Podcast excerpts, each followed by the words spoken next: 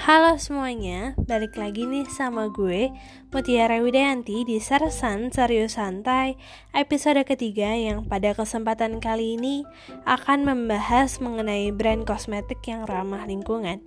Mungkin bagi sebagian perempuan, brand ini merupakan brand yang sudah sangat familiar di kalangan masyarakat.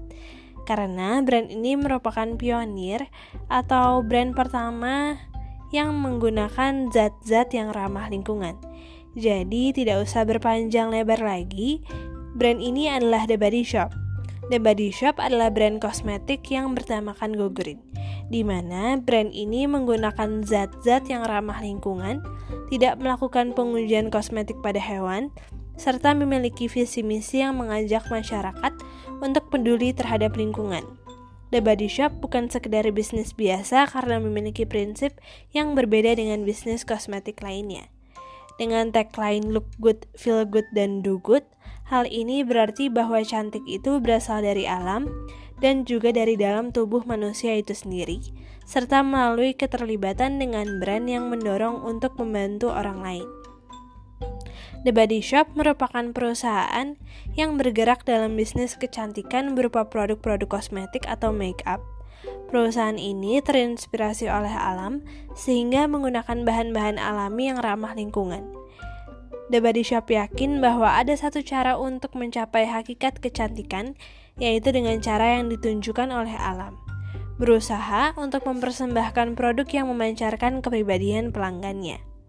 The Body Shop pertama kali didirikan pada tanggal 26 Maret 1976 oleh Dame Anita Roddick, seorang wanita asal Inggris yang juga merupakan aktivis hak asasi manusia. Ia terinspirasi membangun perusahaan The Body Shop setelah berlibur ke Berkeley, California pada tahun 1970. Di sana, ia mengunjungi sebuah toko bernama The Body Shop yang menjual sabun dan lotion dengan parfum alami.